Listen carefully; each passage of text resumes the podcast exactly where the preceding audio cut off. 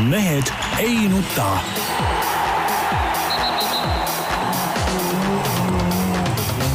mehed ei nuta.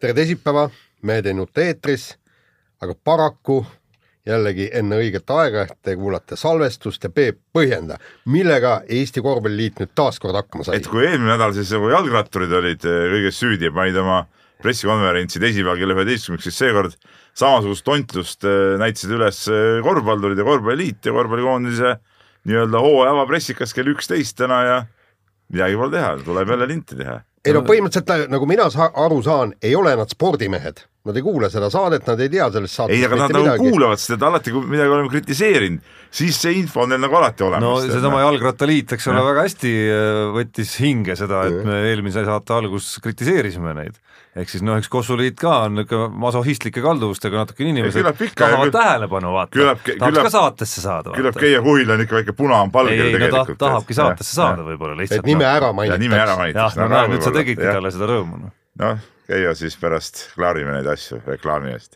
väike, väike õlle. just, Peep, räägi nüüd, hommikul sõitsid kohale kas sa nende puukaitsjatega ka läbirääkimisi pidasid või? enne kui Peep vastab, ma ütlen, noh, ma vaatasin seda ülekannet või olen vaadanud siin mingite episoodidega ja nagu üks asi ongi puudu ainult sealt, et Peep Pahv oleks ka kohal veel, ta teeks politsei elu nii palju kergemaks. seal pole ju midagi, mida nad seal jamavad, see mees saab alla raputada sealt puuest kõik, trusba sisse ja, ja puu maha juure pealt, tead näe.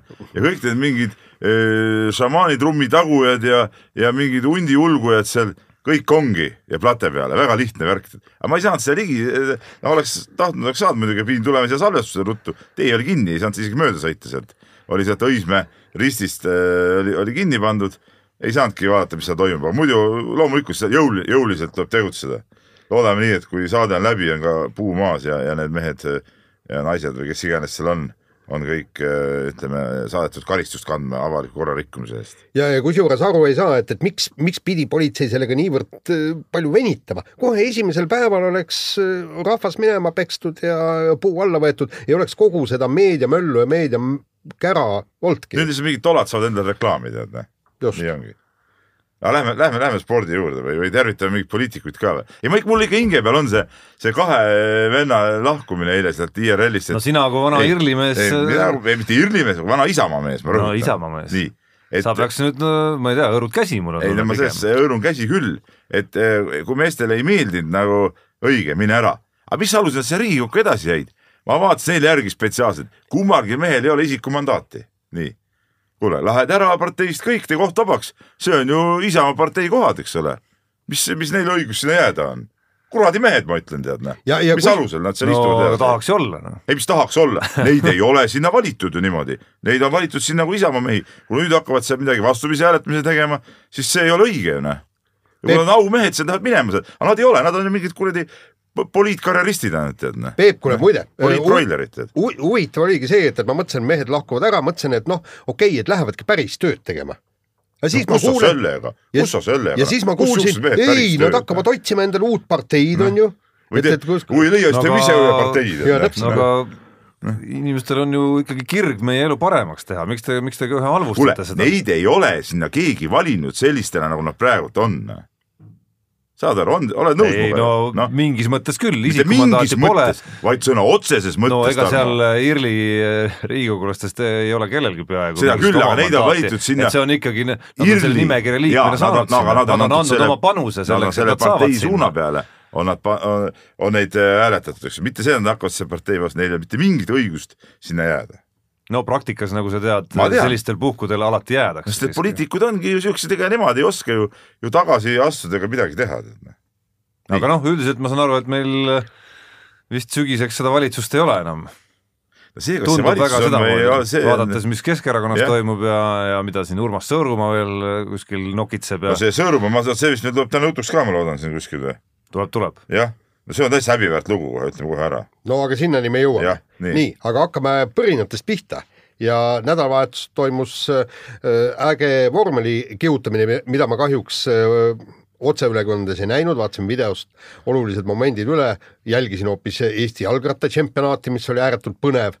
Ja, ja ja ma rõhutan, Jaan oli ainus õige ajakirjanik seal kohal, kes tegi ka suurepärase artikli sellest lehte nii. ja, ja kusjuures jah, kummaline, et, et teised nagu jalgratast eriti lugu ei pea, aga, aga nüüd rääkige pigem teie, et, et nagu ma näen, et, et äh, Lewis Hamilton ja Sebastian Vettel hakkasid omavahel ikka täiesti plõksima ja kusjuures mul tulid no. ikkagi meelde need endised õige ajad. ja mul täpselt sama asi aga... on ja see on vägev minu arust nii nagu vanasti ikka, hammas hamba vastu, ei ole midagi mingi suss-muss, et kreemikooki sööme koos, tead yeah.. kui vaja, pannakse seal äh, rusikaga ka, tead. aga natuke jäigi, natuke, natuke ja. nagu jäigi poolikuks minu arust see, et, et Vettel tegi selle asja nagu rajal ära üsna kohe varsti pärast seda kui Vettel nii-öelda noh, tal ei pidanud närv vastu tegelikult, olgem ausad onju, et äh, tal vedas, et Hamiltonil pärast selle selja või peatoega mingi jama oli, ta oleks võinud päris nagu valusa laksu saada sellest ühest purskest, mida ta tegi seal isegi noh, kui Hamilton mängis seal lubatu ja lubamatu piiri peal ja kohtunike arvates kõik oli okei okay,, on ju, siis äh, siis minu arust selles mõttes jäi asi nagu poolikuks ikkagi, et kõvad mehed küll, keerad seal nii-öelda autos teisele peale, aga üsna varsti pärast seda intsidenti tuli ju punane lipp välja, mehed tulid boksi alale. ja siis nad olid ju järjest seal. Need kaks meest, nende aut-, nad parkisid oma autod järjest sinna boksi teele. aga ma ei näinud, et Vettel oleks nagu vaadanudki Hamiltoni poole, rääkimata sellest, et midagi öelnud või, või koha peale läinud. ja no., ja kusjuures pärast käis ju hirmus niisugune nutmine ja halisemine, et vaata, mis tema tegi, vaata, mis ei, no, tema Hamilton tegi. pigem ütles, et no Hamiltonil, mina lugesin mingeid lauseid, et kui Vettel on kõva mees, tulnud siis kohale ja rääkinud selgeks või, või teinud midagi. mina otsin ka, et seal läheb mingiks action'iks, mitte midagi ei juhtunud. et selles suhtes natuke ikka, no muidugi vanade meestega võrreldes nad veel pehmod, aga midagi nagu hakkas nagu looma. et see rallikrossi võte ikkagi kõrvale, õigemini autokrossi võte isegi kõrvale ja peale keeratud no see oli päris äge tegelikult. ja kusjuures mul on äh, kogu aeg nendest intsidentidest meeles Eddie Irvine, kui ta sõitis esimest korda äh, tõsiselt võidu siis äh, MM-sarjas ja julges kollanokana boksist välja tulles Ayrton Sennast mööda minna, kaks korda kusjuures veel. ja siis oli noh, nagu ta kirjeldas Senna tuli lihtsalt tema boksi, lihtsalt andis vastu hambaid, pööras selja, marssis minema, ühtegi sõna lausumata. see pole vaja midagi ütelda. ei, absoluutselt. kõik on klaar, noh. jah, ja täpselt. ja, ja kui sa leiad, et, et mees, mees teeb sul mingisugust paha või kurja või midagi, mine lahenda see asi meeste kombel ära, ära hakka vinguma. aga noh, tervikuna kiidame loomulikult, et noh, nüüd on garanteeritud ikkagi hooaeg selline nagu, nagu tõeline hooaeg on garanteeritud ikkagi. ei no aga rohkem sellised Baku etapisuguseid etappe, kus vahepeal sõidetakse mingi vanalinna kahe meetri laiuse tee peal ja kus nagu vastu seina sõitmine on garanteeritud, eks ole, rohkem selliseid etappe, ütleme, sõit oli ka lisaks sellele intsidendile oli sõit ju väga, ütleme, eh, huvitav ja, ja, ja üllatusterohke, et see nagu lahe. Noh. no ainus, mis puudu jäi, oleks see, et Hamilton ja Vettel oleks veel lõpus ikkagi koha pärast nagu võitlema ka hakanud, et Hamilton oli seal Vetteli sabas, aga mingil põhjusel kas ei suutnud või ei jaksanud masin või mis iganes, ei, ei läinud seal ikkagi üritamiseks. just, nii, aga järgmine teema, Tarmo sina? järgmine teema ikka põrinate juures ja, ja Poola ralli, see armas ja kuulus ja valus Poola ralli on tulekul. Peep, sina lähed kohale. homme hommikul start. ja noh, kui võitjana ei tule, on ikka nadi lugu vist või? nojah, ütleme noh, nadi lugu, nüüd ongi niisugune olukord, kus Ott Tänak, kes seal ühe ralli on võitnud, nüüd on nagu niisugune üldine surve nii talle Äh, üldsuse poolt, kui ma arvan, et tal endal sees ka, et no, noh, eriti see, eriti arvestades, mis Poolas eelmisel aastal juhtus. Äh, noh, nüüd nagu muud varianti pole, kui peaks võitma. päris ohtlik, see on päris ohtlik tegelikult, sest et äh, nii on väga lihtne seal eksida ja Poola ralli on ju teadupärast selline ralli, ülikiired teed. seal kuskilt sekundeid võita on väga raske, kuna noh, kiirused on suured, siis vahed on ka väiksemad ja, ja aga samas väike eksimus kaotada, seda on väga raske tasa teha, nii et, et selles suhtes äh, oht nüüd äh, seal natuke üle pingutada on muidugi, on muidugi väga suur, ma nüüd loodan, et, äh, et Ott suudab ennast ikkagi nagu natuke tagasi hoida, et ta ei lähe selle siukse, selle eelmise etapi võidu, kuidas ma ütlen, eufooriast nagu hullu panema. Peep, aga ütle, milline võimalus siis tal oleks maailmameistriks tulla, kui nüüd mitte neil kahel rallil, just Poola ja Soome rallil sõi-, sõidud kinni panna. ei, kinni ikka täpselt, võidu peal igal juhul sõita, aga siin ei tohi nagu üle pingutada, et sa oled nagu selles, nagu ma ütlen, selle, selle võidu esiteks emotsioonilainel veel, teiseks selle surve all, ma pean, pean, pean seda võitma. Ja siis sa hakkad üle push ima, et tegelikult arvestades tema kiirust, seda, et eh, just sellistel teedel on tema nii-öelda see sõidumees, eks ole. piisab sellest, kui ta sõidab natuke noh, sõidab lihtsalt oma sõitu, eks ole, ta ei pea midagi üle, üle võlli tegema, aga siis ta võib ta võita. kusjuures eh, kõige, kõige lihtsam on praegu minu meelest Ožeeril, kes juhib eh, MM-sarja, et, et tema võib natukene rahulikumalt võtta, sellepärast ründama peavad teised, just Ott Tänak ja Thierry Neville. no samas MM-i seis ei ole minu arust selline, kus Ožee väga nagu hoidma võiks hakata seal, et seal punktivahe Novilliga ikkagi noh, selle, selle sõidab ütleme, tavatempos sõites, ilma et kellelgi midagi juhtub ja kui sa ennast kõike välja ei pane, sõidab Neuvill selle kahe ralliga tasa. Tarmo, alguses hoida ja oodata, kuni see Neuvill peast hulluks läheb. seal jah, ütleme esimesel päeval kindlasti, arvestades seda ka, et eh, Ožeer stardib jälle eest, ega Otil ei ole ka eriti mugav koht kolmandana, Neuvill teisena, et seal ongi nüüd huvitav vaadata, tegelikult ma arvan, esimese päeva järel kõige parem äh, seis on äh, ilmselt Mikkelsonil hoopis tõusta liidriks näiteks, kõige parem stardikoht, väga kiire mees, ka sellisel rajal, eks ole, ülikiire, eelmise aasta võitja, et äh, tema ilmselt hakkab seda kontserti seal vedama, eks ole, et, et ja siis teisel päeval juba, kui on teistpidi järjestus, siis hakkavad seal tegelikult asjad juhtuma. ja, ja kusjuures Latvala ka, kuigi okei okay,, ta on no ta on neljas kohe aga... Oti järel, eks ole. jah, aga ikkagi neljas. ikka juba, juba natuke parem, ega seal ütleme, Ožeeriga võrreldes näiteks on Latvalal kõvasti parem stardipositsioon et, et väga-väga, väga huvitav tuleb. ja aga loodame, et selle sekundi mängu ikkagi Ott äh, koju toob. ikka loodame. nii, ja lähme nüüd äh, saate teise osa juurde ehk siis kiire vahemängu juurde ja, ja, ja täiesti tähendab, ühesõnaga, kui ma kuulsin, millest äh, tuleb meil Päevalehte artikkel, siis ma, ma esialgu ei osanud, ei uskunud, küsin lolliks olete kõik ümberringi läinud. tähendab, ühesõnaga Peep Pahvi ehk siis sporditoimetuse juhataja selgel loal ilmus meie lehes pikk terveküljene lugu tõukeratturist. Peep, tõukeratturist. tõukerattaga sõitmine, see on nagu tavalise rattaga sõitmine, see on ju ka, nõuab pingutust. üks jalg on selle plate peal, teisega pead hoogu lükkama. oota ma saan aru, kui oleks tõukeratta-maraton, mida nad ka muide sõidavad ja ka Soomes sõidavad, seal on tõukekelgu maratonid, aga see on nüüd see tilulilu kottpükste ala ehk inimene tõukab kaks korda ilmselt ära, eks, ja siis teeb mingisuguse salto. no mis toimub, see, see ei ole enam see leht ei, ei vastupidi, Jaan, see ei ole enam see leht leheks, see ei ole enam see Peep, ma ütleks ausalt öeldes. ikka toimub mingi pehmenemine, panusega kuskilt tuleb. ei Jaan, kas paneme panuseid, millal tuleb see päev, kas äh, aasta kaks tuhat seitseteist, kaheksateist või üheksateist, kui ikkagi lõpuks äh, kuulus Rops, Robin Kool, meie kuulus e-sportlane, jõuab ka Päevalehe spordi ei, te olete jälle valesti, mõlemad olete valesti aru saanud. No ma, ma ise arvan, et juba kas sellel või järgmisel aastal. ei, ma ütlen veel kord, eh, see oli jälle minu taktikaline käik, eks ole. vaata, lihtsam on, see oli, ilmus nädalavahetuse lehes enne jaanipäeva teadsin, keegi nagunii lehte ei loe. oot, oot, oot, oot, Peep, mäletad? no nalja teed, see on kõige loetavam leht. kes ükski normaalne inimene ei loe. see leht on lettidel ju kauem kui muud lehed. aga nädal, pühade ajal, nädalavahetusel nii ükski normaalne inimene lehte ei loe, mina näiteks LP-d ei loe mitte kunagi. no see, et sina ei loe, ei tähenda, et normaalsed inimesed ei loe. ja mina olengi normaalsuse etalon, jätame selle meelde, nii, seda keegi ei loe, nii seda esiteks, teiseks, siis ongi mõttekas panna ära selline lugu ühtlasi nagu ütleme, vastast nagu õõnestada, nüüd ei saa keegi ütelda, et paneme veel mingi uus siukse see ja too teine, teine teema, eks ole.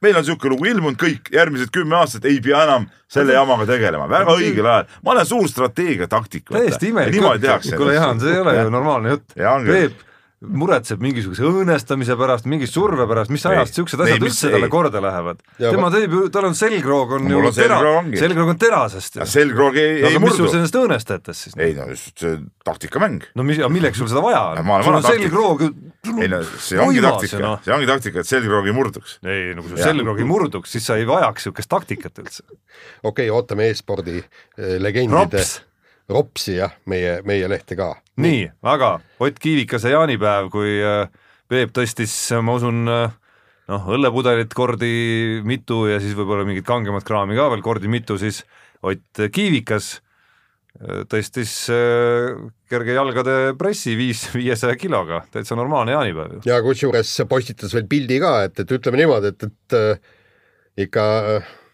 seal ikka selle, neid kettaid oli ikka. ja ma tahaks muidugi öelda, seda Ott Kiviksik on tore mees, aga no jaanipäev on nagu ikka siis tehakse teistsuguseid asju, tead noh. okei okay,, sa teed, võid teha, meil oli ka siuke väike sportlik etteaste, tõusime Rummu Tuhamäe tippu, eks ole, seltskonnaga. pärast eh, tegime seal ühe discgolfimängu ja nii edasi, aga siis asusime nagu põhitegevuse juurde. aga me ei tea, äkki Ott ka ikkagi asus no, põhitegevuse millegipärast mul see kuri kahtlus, et kui mees kuskil eh, tolmuses jõusaalis istus, kas ta sealt põhitegevuse juurde ikka jõudis, tead noh aga õige on ikka jaanipäeval ikka tegeletakse, ikka peab olema klassika, eks ole, õlled, eh, viinad, šašlõkid ja, ja, ja lõkke. Need asjad on nagu, need peavad igal juhul olema. üle lõkke hüppasite? ei, ei mäleta täpselt vist mitte, tundub, et eh, kõik riided ja, ja, ja keha on terve. nagu Peep on siin, järelikult ei hüpanud ilmselt nii, aga eh, mis on juhtumas siis Eesti kergejõustikus? käib suur tants ja trall teivashüppe ümber toodi siis ala Eesti meistrivõistlustelt nädal varemaks ja siis nihutati taas tagasi õigesse paika, et siin nagu segadust on nagu palju, et, et kord taheti, et siis noored saaksid võistelda, siis ei sobinud jälle eh, noh, noorte samal ajal, eks ole, omavanuste tiitlivõistlus, siis ei sobinud jälle ütleme nii-öelda vanematele meestele noh, ja nüüd ongi nagu segadust, kui palju. Noh. aga tegelikult ma ei, ma ikkagi sellest aru ei saa, et, et kas tõesti mingit muud kohta Eesti meistrivõistlusteks ei olnud, sellepärast et nagu ma saan aru, eks, et öö, noorte EM sõidab kuhugi sisse, siis sõidab U kakskümmend kolm. jaa, ei ole, sest et alati need asjad ongi nagu mõnes mõttes ikkagi äh, kattunud, kui sa vaatad nüüd, kuna kergejõustik mm on see aasta päris vara, augusti äh, suhteliselt alguses algab, kas see oli nüüd neljas või viies august, ma ei mäleta peast, siis ja vaatad nüüd, mis toimub, eks ju, praegu oli võistkondlik üksikalad, võistkondlik äh, see kümnevõistlus, kümnevõistlus. Ja siis juba ongi juba juulikuu käes, et siin ei ole neid auku nii palju, aukusid nii palju lihtsalt.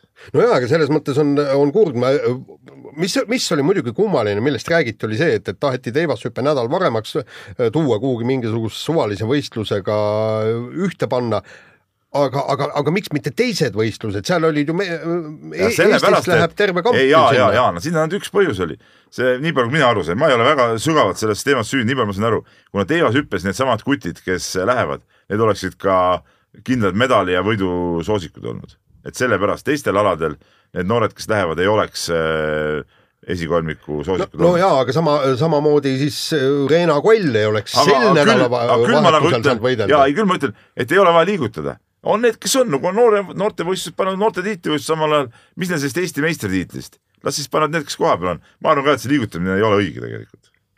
nii, hea, et niigi läks. nii, aga Soomel oli ikka tege, tegelikult super nädal, toimusid nii NBA kui ka NHL-i draftid ja mm, Lauri Markkanen ehk siis äh, kuulus korvpallur valiti seitsmendas ringis ja aga vaadake, mis hokis toimus. seitsmendana, mitte seitsmendana, jah, sorry, seitsmendana, nii, aga, aga jah, aga, aga, aga mis, mis hokis toimus? kuus meest esimeses ringis, kuus meest teises ringis ja kokku kakskümmend kolm Soome hokimängijat NHL-i. Äh, lõppenud hooajal mängis Soome soomlasi NHL-is kolmkümmend üheksa. järgmine aasta on veel, no taevane arm ja mida nad hädaldavad. veel rohkem. ei no, nojah, no, jah, aga no ega see hokivärk, see nagu noh, on nüüd seal kolmkümmend üheksa või nelikümmend seitse või kakskümmend üks, see nagu noh, ega meie jaoks ei ole vahet, me, meie jaoks on see seda nagu, küll, meie jaoks on see kõik kosmos. ei, see ongi kosmos aga..., see näitab seda üldist, seda, seda üldist taset ikkagi. aga ütleme nagu noh, meil, meil kossupedadena ikkagi on valus vaadata, kuidas nagu NBA-d ka valutatakse ikkagi, noh. kuigi see ei olnud mingi üllatus muidugi, Lauri Markkaneni draftis valimine, et see juhtub, see oli täiesti selge, et see esimeses ringis ei no mis see siin soomlaste räägib, Patšinskis või Patšinskis jah, Läti poiss sai ka sisse, noh. no ei, no lisaks sellele on lätlastel juba terve viisiku jagu seal peaaegu no. olemas no.. ja lisaks kõigele Läti korvpallilased pääsesid MM-ile, said EM-il kuuenda koha, noh no mis, mis, mis me räägime? ja Läti ja nagu... Läti mehed ilmselgelt, no mitte väga kõvahäälselt, aga, aga väga selgelt on medalipotentsiaaliga lausa meeste EM-il, mis augusti lõpus algab. eile ju ilmus see Bertansi see tuleku video ka, eks ole, kus ta tõmbas San Antonio särgi seljast ära ja Läti särk oli seal all, väga efektselt oli jälle,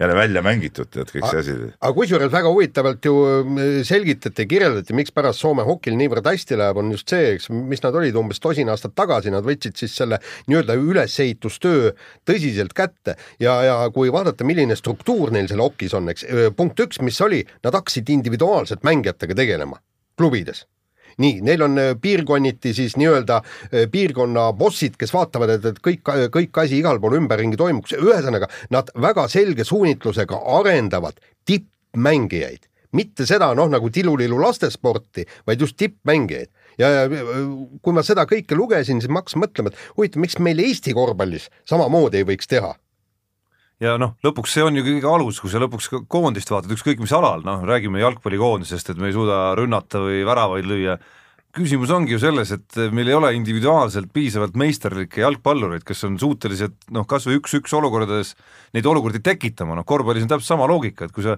kui sul ei ole mehi, kes üks-ühe vastu ei suuda mingisugust nii-öelda luua midagi, kas endale või teistele, üldiselt, üldiselt tuleb selleks oma nii-öelda vastane üle mängida, ega siis, siis on nagu väga keeruline kombineerida midagi, need ajad on läbi ikkagi. nojah, no päris läbi, noh midagi saab kombinatsiooniga teha, aga sa ei saa lõputult, sa teed, sa teed vahepeal mingi niisuguse nii-öelda nagu lahenduse kindla peale, eks ole, aga muidu on ikka paljuski üks, üks, kaks, kaks, kolm-kolm mäng maksimum, eks ole, nii on ja, ja mi, minu meelest peaksid tõesti meie korvpallijuhid, jalgpallijuhid, ma ei tea, kes veel iganes, minge vaadake Soomes, et mi, mikspärast nende hoki on nüüd praegu te, tegemas te, nii suurt ja võimast tõusu, kusjuures noorte, nad on ju viimasel kümnel aastal ainult kolm korda noorte MM-idel medalit, juunioride MM-il medalit jäänud ja ja, ja süsteemi no, tuleks üle võtta. vaata, sa kiidad siin Soomet, aga kas Soome ei olnud mitte äh, juunioride MM-il viimati nii kehvas seisus, et peatreener lasti keset turniiri lahti? ja ei, ei seda nüüd küll, aga kui see me vaatame, ju, just, aga, aga kui me praegu vaatame, kuivõrd, kuivõrd hästi ikkagi te no, tegelikult jah, nad mängisid sellest kehvasti ja tegelikult muidugi süsteem on iseenesest nagu hea. jah, nii, nii.. ja kiire vahemängu lõpetuseks üks selline teistmoodi uudis ka, nimelt Maailma Taekwondo Liit otsustas mingil põhjusel muuta ära oma nime nende praegune nimi ametlik oli siis World Taekwondo Federation, mis, mille lühend oli niivõrd äge nagu kaks siis V, T ja F ehk inglise keeles siis selline, kõik teavad seda lühendit pigem väljendist what the ja siis see F-tähega no, sõna, on ju, ja selle asemel on nüüd lihtsalt World Taekwondo, aga ega see ju sisu samas nagu ei muuda, et aga et, et, eks see, ei, ma ei saa üldse aru, miks see teema meil siin praegu on? eks see taekwondo olümpial on ikka selline kas see, kas see on täiesti, see on täiesti ükspuha, kuidas seda jalaga tagumikku löömist nagu nimetatakse või? see päris spordiga on väga vähe. ei, ei, minu meelest on äh, vale, et nad selle nime ära muutsid, sellepärast et see ala ongi what the fuck eh.. ma, mul õnnestus muide äh, Äh, Sydney olümpiamängudel teha, äh, esimest korda oli Sydney olümpiamängudel ta-, taekwondo sina kirjutasidki, sina tõidki selle probleemi, et see ei. ala on nagu jalaga tagumikku löömine. ja, ja ei, aga seal, seal oligi, ühesõnaga ma vaatasin selle, selle asja, see oli, see oli niivõrd koomiline, siis kutsuti äh, ROK-i äh, president, et näidati, et vot see on nüüd meil taekwondo, et juba vinge ala, näed, et siin löökidest saab punkte, siis käib, vehkisid seal kätega, keegi seal midagi tegi, siis üks, näed, nüüd punane sportlane saab punkti, punkt anti sinisele sportlasele nii, siis selgitati, et jah, et noh, siin natuke ära, hetk hiljem, näed, nüüd läks punkt sinisele, punktis see punane ja põhimõtteliselt see, see president läks poole pealt sealt ära, keegi mitte midagi aru ei saa, mis seal taekwondo's tegelikult toimub. no aga püsivad. aga püsivad olümpial, jah. What, what the yeah. fuck, jah, ikka püsivad. nii, aga lähme nüüd järgmise osa juurde ja alguses, Peep, kirju on sul üht-teist? no siin mingeid kirju on ja, ja, ja hakkame kohe pihta siis Eh, nii-öelda Sauna Madise kirjast ja meil see korvpalli teema Rakvere Tarvas tuleb küll pärast ka jutuks, aga, aga ta siin küsib, et eh, ja loomulikult tere korvpallispetsid ja Jaan, eks ole, nagu ikka. Eh, ütleme, Jaan on nagu eristaatuses ehk siis nagu täielik udu, aga nii, viimaste uudiste valguses võiks arvata, et Tartu kiirustas treeneri palkamisega, Tartus teatavasti palkas Priit Venela peatreeneriks. Ehk oleks Jorr ehk siis Andres Sõber oma tahumatuses, tahumatus otsekohesuses olnud just see päikesekiir, mis üpris halliks akadeemiliseks muutunud kossu, kossuelu siinmail põrkama pannud. publikul oskab ta igatahes mängida sellest napib kõvasti viimasel ajal Tartu korvpallil siis, noh mis no, me arvame, võib-olla ka. oleks ta vaba mees olnud, mine sa tea, kuigi ma ei usu, et Tartu Ülikool oleks teda nii-öelda seal listis nagu ikkagi päris ette pannud, Priit Venest kindlasti mitte, et noh, see Vene oli seal nagu noh, ta oli ju ammu tegelikult sihikul neil ta oli ammu sihikul jah, ma arvan ka, et, et see, see, see nagu, see palkamine oli, oli õhus tegelikult, ma arvan, sõltumata sellest, kas sõber on vaba või Sokk on vaba või Kuusma on vaba. jah, aga mm, noh, jah, et ma, küll ma usun, et see sõber mingi töö ka veel leiab, et, et siin päris ütleme ainult Padaoru kunniks ta võib-olla ei pea, ei pea jääma. nii, aga Tamm Tamm, meie ka sihuke alaline kirjasaatja küsib sellist asja, et äh, noh, Delfis oli meil uudis sellest, et Eesti mitmevõistlejad asuvad kodusel EM-il starti favoriitidena, see on siis see nii-öelda vana mitmevõistluse Euroopa karikas, nüüd ta on siis võistkondlik EM ja siis ta küsib, et kas sellisel võistlusel on mõtet, kui eestlased isegi selliste isiklike rekorditega on niinimetatud Euroopa meistrivõistluste favoriidid noh, eks ta natuke kurb on, et kunagi no. see oli tõepoolest nagu väga suurejooneline ja, ja vägev võistlus, mäletame siin, kui siin käisid olid kõik kohal, Eestil olid kõik absoluutsed ässad, Nooled, Kasearud, Nazarovid äh, möllasid siin ja see oli. Ramon Kaju veel tõi kastanid tulest välja. see oli nagu vägev võistlus, aga, aga vaadates nüüd tõepoolest osavõtjate nimekirja, noh, see kuidagi nagu ei vea välja millegipärast, seda ei väärtustata. aga seal ei ole ka nagu stiimulit tekitatud, miks need sportlased peaksid hirmsasti tahtma seal osaleda minu arust, et et EM. no EM küll, aga võistkondlik, et kümnevõistlust noh, tehakse ikkagi maksimaalselt kolm korda aastas ja üks nendest on suurvõistlus, üks on mingi kevadine võistlus, tavaliselt teine jääb sinna sügisesse, et et nagu keeruline aga miks vanasti, aga miks nad vanasti tahtsid käia Euroopa karikatel siis? aga ka kusjuures äh, ütleme, Noole ja Šeberle ja Dvoržaki karjääri ajal ikkagi hakkas see asi ikkagi nagu ära kukkuma. jaa, aga vanasti ju käisid nagu hirmsasti. järelikult on vaata, kui olid igast liit USA mingid võistlused ja kümnevõistlused. jaa, jaa, aga järelikult et, ikkagi seesama trio näiteks Götzis äh, suurvõistlus ja Talants on ikkagi atraktiivsem sportlastele individuaalses raha mõttes kindlasti. no raha mõttes kindlasti ongi, aga siis tuleb selle EM-i kallal ka tööd teha, et äh, sportlased tahaksid tulla sinna. no jaa, aga paraku on kõik kergejõustikus, kõik need võistkondlikud võistlused on äh, nõnda, et, et tipud kõik tipud tavaliselt kohal ei ole. noh, üksikaladel on see palju lihtsam, on ju, see on lihtsalt üks võistlus, ma ei tea, viieteistkümnest või kahekümnest, mida siin mõni kettaheitja teeb või saja meetri jooksja. aga ma alati mõtlen, miks need kümnevõistlejad nii vähe võistlevad. kui sa võtad näiteks jalgratturid, kes sõidavad hooaja jooksul, ma ei tea, mitu tuuri läbi ja, ja igapäevasõite mingeid kahesaja kildiseid midagi pole häda, miks siis kümpimehed, siis nii imevennad on, et nad ainult eh, no kolm võistlust teevad. no aga samamoodi on ka maratonijooksjad. et nad ei kannata ju välja muidugi ja mara-, maratonijooksjad, et nad ei kannata muidugi välja seda keha, aga see on nagu huvitav, et kuidas nagu, kes rattasõidus kannatab, aga kergejõustikus ei kannata. no ütleme niimoodi, et rattasõidus ei saa need liigesed ja lihased niivõrd eh, palju nii viga. nii palju viga ja no eks sa mäletad Peep ise ajakirjanike kümbi ajast, et ütleme, valutas, valutas päris pikalt. ära enam räägi, jah. nii aga noh, siin on meil tegelikult, Taaniel on saanud ka õigustatud küsimuse ja tegelikult natuke peab tunnistama, see asi jäi natuke õhku, ta küsib, et mis sellest Pevkuri Vassiljevi IRL-i saagast sai, et seal stuudios jäi õhku see väide, et Vassiljev väitis, et IRL pani nagu nii-öelda ploki peale, see jutt käib siis võrkpalli rahastamisest. ja Saar väitis, midagi sellist polnud, et, et see asi võiks nagu ära klaarida. Eh, pärast seda stuudiot järgmine päev üritasin eh, siis Vassiljevit tabada ka, aga ei õnnestunud ja siis siis ütleme, tuli juba nädalavahetus peale ja siis see teema kuidagi nagu vananes ja ja nii see võib-olla kahjuks, kahjuks natuke ripakile jäi, et siis me natuke endale lihtsalt tuhka pähe raputama, aga lähme nüüd siis järgmiste teemade juurde. jah, ja lähmegi kergejõustiku juurde ja Eesti kergejõustikukoondis Euroopa võistkondlikel karikavõistlustel vist, need ei ole meistrivõistlused, kukkus teise ei, liigasse, ikka meistrivõistlused, kukkus, kukkus teise liigasse, ei suutnud kohta säilitada ja ja noh, samas ma jälgisin äh, küllaltki tähelepanelikult neid, neid võistlusi kõike ja tegelikult noh, ma ei oska öelda, et äh, jooksualadega põrusime. noh, ütleme seal oli veel üht-teist on ju, meeste kettaheide oli meil ikkagi Märt Iisrael, kes seal oli ja, ja ega samas jälle noh, me oleme nii väike riik, me ei saa kõiki sport äh,, kergejõustikualasid siiski arendada. ma ei tea, Tarmo ütleb, et ma olen ka pehmeks jäänud võib-olla, aga, aga ma, ma ma ei saa nagu ka seda kergejõustikukoondist otseselt nagu, nagu maatasa teha nagu selle tulemuse pärast. eriti arvestades, et vigastusega oli puudu, eks ole, kettaheitja põhinumber, Xenia Balta, meil ei olnud Indrek Nurmet, äh, seal võib-olla kedagi veel, eks ole, Marek Niitu, kes oleks võib-olla kiiremini jooksnud, et ütleme, meil jäi ikkagi kokku nende kõikide pealt võib-olla üks noh, paarkümmend punkti isegi äh, saamata, äh, mis oleks võib-olla meid hoidnud seal piiri peal, kus me oleme kogu aeg olnudki, väljakukkumise sissemise piiri peal, nüüd veel see aasta kukkus üks rohkem välja, kui tavaliselt vanasti kukkusid kaks viimast, nüüd kolm viimast.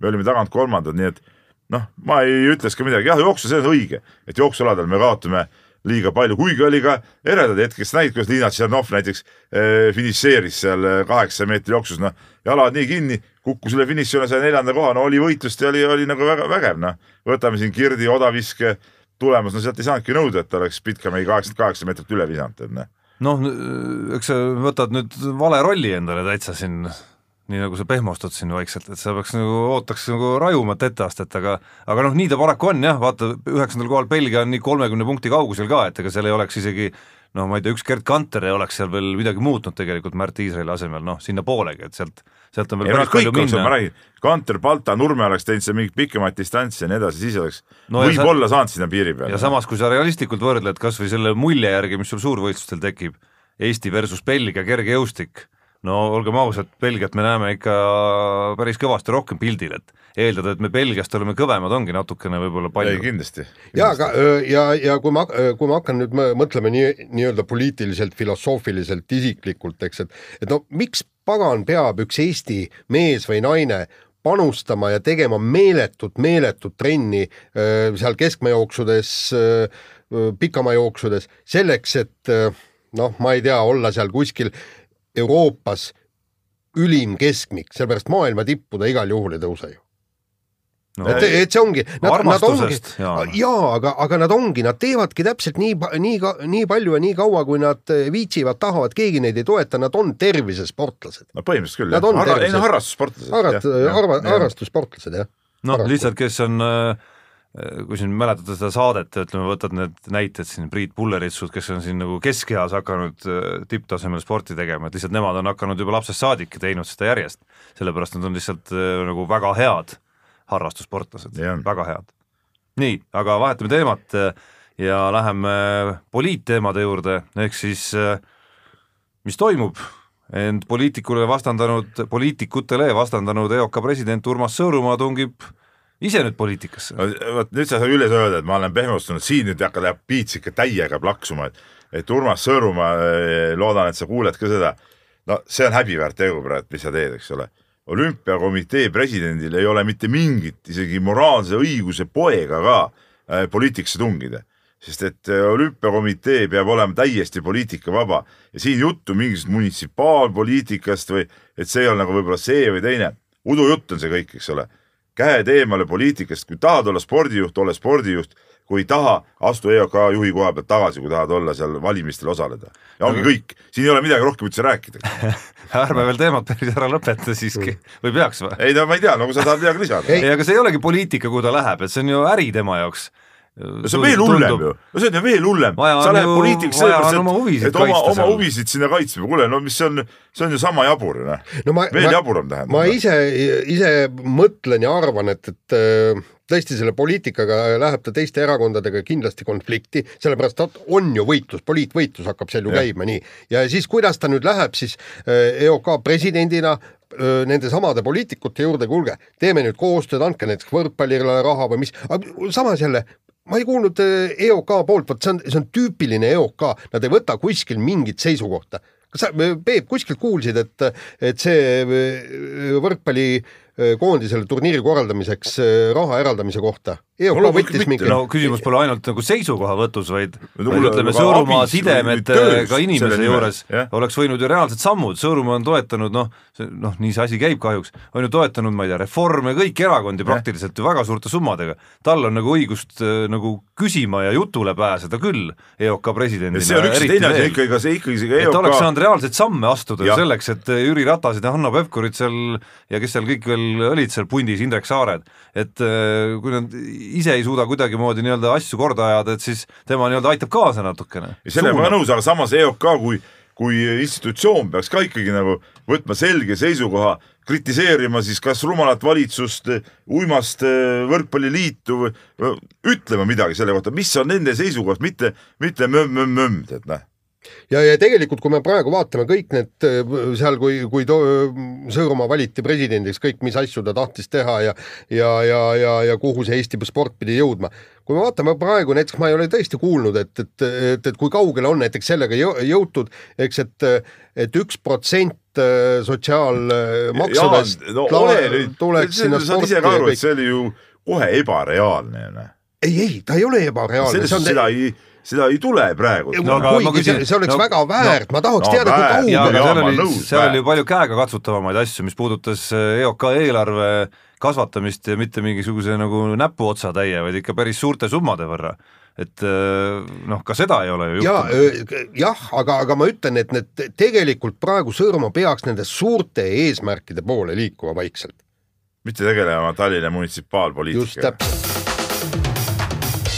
nii, aga nüüd saate viimane osa ja siin korvpallist kõvasti juttu ja mis möll selle Rakvere Tarvo ümber nüüd käib, Peep, sina ainsana meil vist, nagu ma saan aru, kirjutasid, et äh, ei taheta nagu Eesti tšempionaadile lasta ja nüüd siis Andres Sõber lahkus, et, et kas tõesti oli siis mingisugune personaalne konflikt kogu Seal, selle ümber? jah, ütleme Korvpalliliidu juhatuse poolt muidugi er erakordselt äh, rumal äh, otsus oli tehtud ja, ja ega ma sellest õieti nagu aru, ma saingi aru küll, läheb nii palju, et, et et seal oligi paljuski ka vastuseis Andres Sõbrale ja sellepärast äh, otsustati nii, et, et tegelikult no kuidas sa saad nagu ühte korvpallikantsi meie meistrikast välja lõigata, okei okay,, ma saan aru, siin on teatud küsimused, jah, lasti klubi ütleme majanduslikult pankrotti, no sisuliselt või maksujõuetuks, pankrotti vist lõpuks ei kuulutatudki välja, et see vist raugeb ära seal kuidagi, likvideeritakse ära. Et noh, et ei ole nagu õige niimoodi klubi majandada, jah, muidugi ei ole, aga nüüd on tulnud tõesti uus mees ja oli ju selge, et Andres Sõber selles uues klubis juriidilises kehas ei ole nagu mitte keegi. ja siis hakata seal mingit jonni ajama, noh, minu arust see oli väga-väga-väga rumal otsus korvpalliliidu poolt. noh, ma usun, ma loodan nüüd vähemalt, et see, kui Andres Sõber nüüd ise ka ütles, et ta ka peatreenerina ei jätka, et see nagu noh, lükkab asjad paika ja ma olen nagu aru saanud nii-öelda kuluaaridest, et sellest nagu piisab ka, et, et tuleb sinna keegi teine peatreeneriks ka, et äh, siis ongi asjad nagu selles suhtes nagu korras, et nad saavad selle koha et no. tuleb kolmandal juulil erakorraline juhatus ja asjad tehakse seal korda. noh, tegelikult see oligi alles ju esimene otsus, et minu arust see, selle otsuse juurde käiski see, et äh, sisuliselt anti ju selle klubi tegijatele aega noh, nii-öelda tegeleda nende puudustega, millele, mis korvpalliliidul ei istunud. no jaa, aga korvpalliliit ise juures. tegutseb ka totralt, nad räägivad, et jaa, nad peavad äh, need vanad äh, Tarva võlad tasuma. uus klubi ütleb jah, me maksame need eelmise klubi vanad võlad ära. no aga kus on siis näiteks mingisugune arve või ametlik see, ma saan aru, et eh, nagu ütles ka uus klubi, uue klubi juht, et Arno Lipassaar, et ma ei saa ju võtta rahapatakat taskusse viisteist tuhat eurot, minna sellega Jaak Solomesse juurde ja panna talle lauale, noh, see niimoodi asjad ju ei käi, noh tänapäeva äh, maksusüsteemide juures. noh, seda no. nii ei käi, aga mingeid garantiikirju saab anda küll näiteks samas. mis garantiikirju, kui sul pole küsitudki. selleks ei ole arvet ei, nagu vaja iseenesest. küsitudki seda raha ametlikult, kuidas saad, mismoodi sa annad selle garantiikirja no,, mille peale? samamoodi sponsoritega, et kas sul on nagu käed löödud või sul on paberil mingisugused asjad olemas, et et noh, ma ei paneks korvpalliliidule pahaks, kui nad küsivad vähe korrektsemalt neid asju, et uuesti samu asju ei, ei juhtuks no, nagu juba juhtus. korvpalliliit ei saa nõuda, no seal läks ju absurdseks no, kor... mängijatega lepinguid, peatreeneriga lepinguid ja, ja sponsorite no, lepinguid. vähemalt sponsoritega võiks siiski mingid paberkujul nagu kokkulepped olla ette näidata. sa oot-oot-oot, mis, mis jama sa nüüd ajad? sest korvpalliliit, olgem ausad no., teeb ikka omajagu erandi ka selleks, et ta ühe keha viskab välja ja teise võtab nagu ei kusagilt, ta peaks ju teoorias kolmandast liigast alustama. kuule, tegelikult ei, kolmandat liigat pole olemaski, aga äh, on ju teada, kui nad on ju kinnitanud nii Rakvere lihakombinat kui, kui Rakvere linn, kelle korvpalliliiduga on ju suhe olnud et nemad toetavad seda, sellest peaks juba piisama, ega siis sa ei pea oma mingeid summasid korvpalliliidule, palju üks või teine annab ja see on absurdne juba ju, noh. ma arvan, niisuguse erandi puhul ei, ei ole absurdne. sa, Tarmo, sa ajad, sa ei jaga seda asja, sa hakkad ajama mingit oma mingit niisugust äh, mitte õiget asja. ja, ja minu jaoks oli kummaline just see. sul on need korvpallimehed seal ka mingid sõbrad võib-olla tead ja siis hakkad ajama samasugust teemat. minu jaoks oli kummaline see, et, et sul pidid äh, mängijate ja peatreeneriga olema kes see lepingud. tuleb sinna, kui sul pole ju kohtagi veel? ei, ei, mängijatega muidugi see on keeruline mingeid asju. keeruline, vaid võimatu võimatu. jah, sa sõlmid lepingu ära, eks kõik ja siis öeldakse, et, et kohta ei ole ja vabandage, alustage teisest liigast. noh, et noh, see on nagu, see on nagu nonsenss ja peale selle no ei ole see Arno Lipassaar ka mingisugune, eh, ma ei tea, Jaan Martinson siit või mingi suvaline vend, mees on eh, seal ma ei mäleta, mis vald see on seal Rakvere külje all, vallavolikogu esimees seal, kohalik mingi ettevõtja, ei ole mingi suvaline vend ju noh, see ikka mingi usaldusgarantii võiks ka nagu olla, tead noh. tuleb ja hakkab seda asja tegema, tema hakkab puhtalt lehelt ju noh ja, ja, ja kogu, see, tema entusiasm ongi selles, et Rakveres säiliks meistriliiga tasemel korvpall ja seda on tarvis tervel Eesti korvpalli, mitte, mitte, ka... mitte Tallinnasse kolme-nelja võistkonda, vaid üle Eesti Rakvere, Valga, kuule otsustage ära korvpalliliidus see Valga eh, erisus nende litsentsimaksudega ka, kui see on kahe riigi peale niisugune topeltlinn, mängivad mõlema liiga, riigi tsempionaati, kuidas lätlased saavad eestlasi lasta sinna seitsmekümne euro eest, eks ole, per nägu, aga, aga Eesti liigas neid lätlasi ei saa lasta. teised klubid, neil ei ole siin midagi jonnida, suu kinni, ma ütlen, ja, ja tuleb teha erisus, sest et see on teine asi, see ei ole niisugune, nagu teie palkate mingi lätlase, vaid see on seal üks linn, see on erikohtlemist vääriv asi, selleks, et korvpall seal ka säiliks. omaette küsimus muidugi see, millal Valga oma noortesüsteemi tööle paneb korraks, et seal hakkab ka oma mängijaid peale tulema. aga no mis veel Tarvast puudutab, siis äh, mul on tunne, keegi ei vaidlegi Kossu Liidus selle vastu ja isegi ka sisimas kõik saavad aru, et Rakveresse peab jääma meistriliiga klubi ja tegelik huvi ei olegi seal seda nii-öelda tekitada olukorda, kus seda klubi ei ole seal.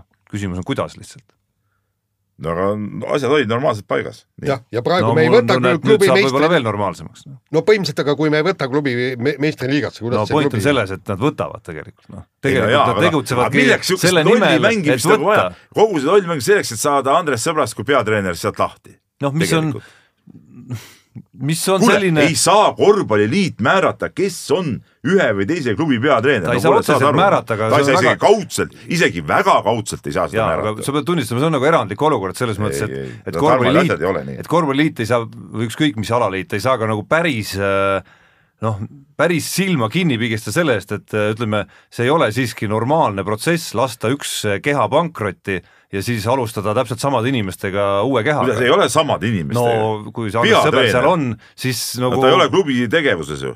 noh.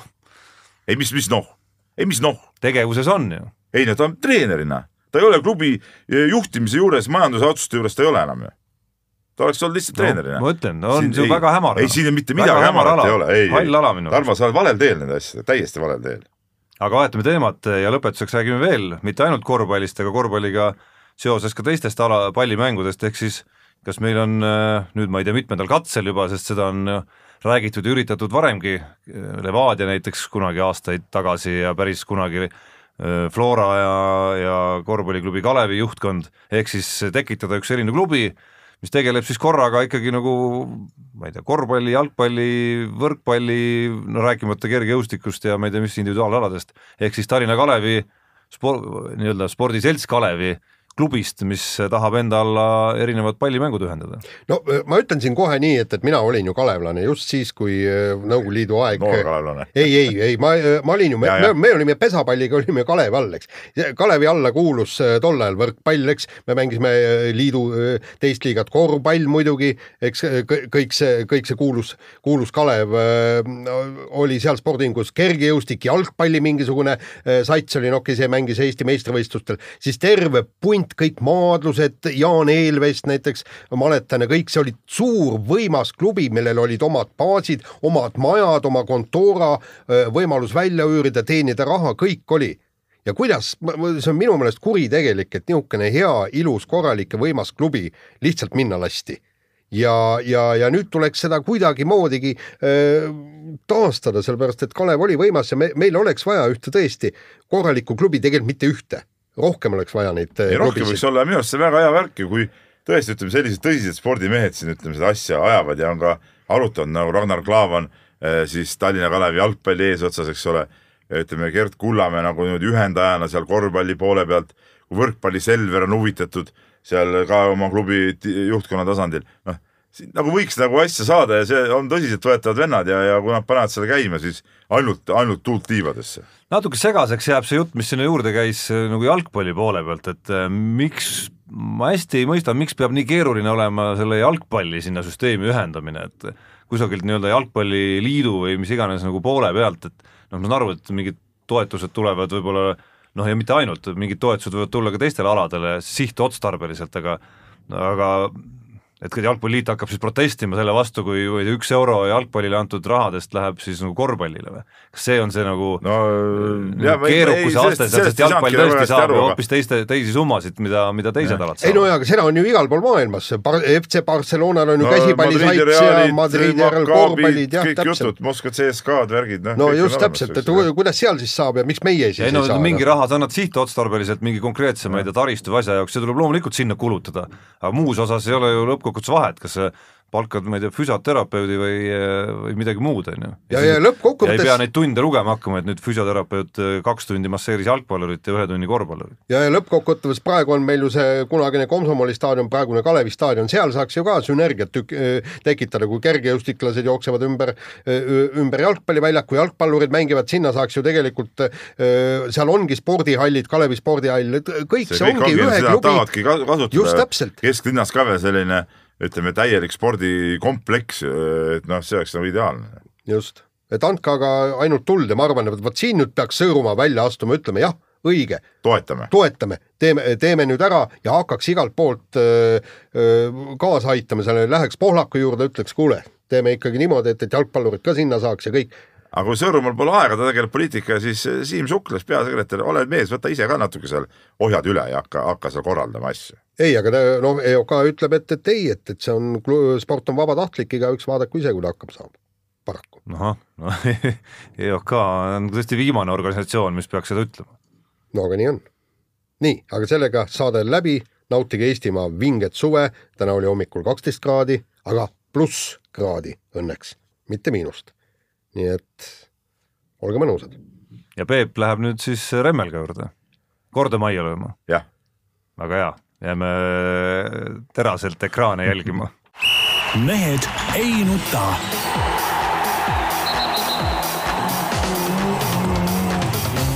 mehed ei nuta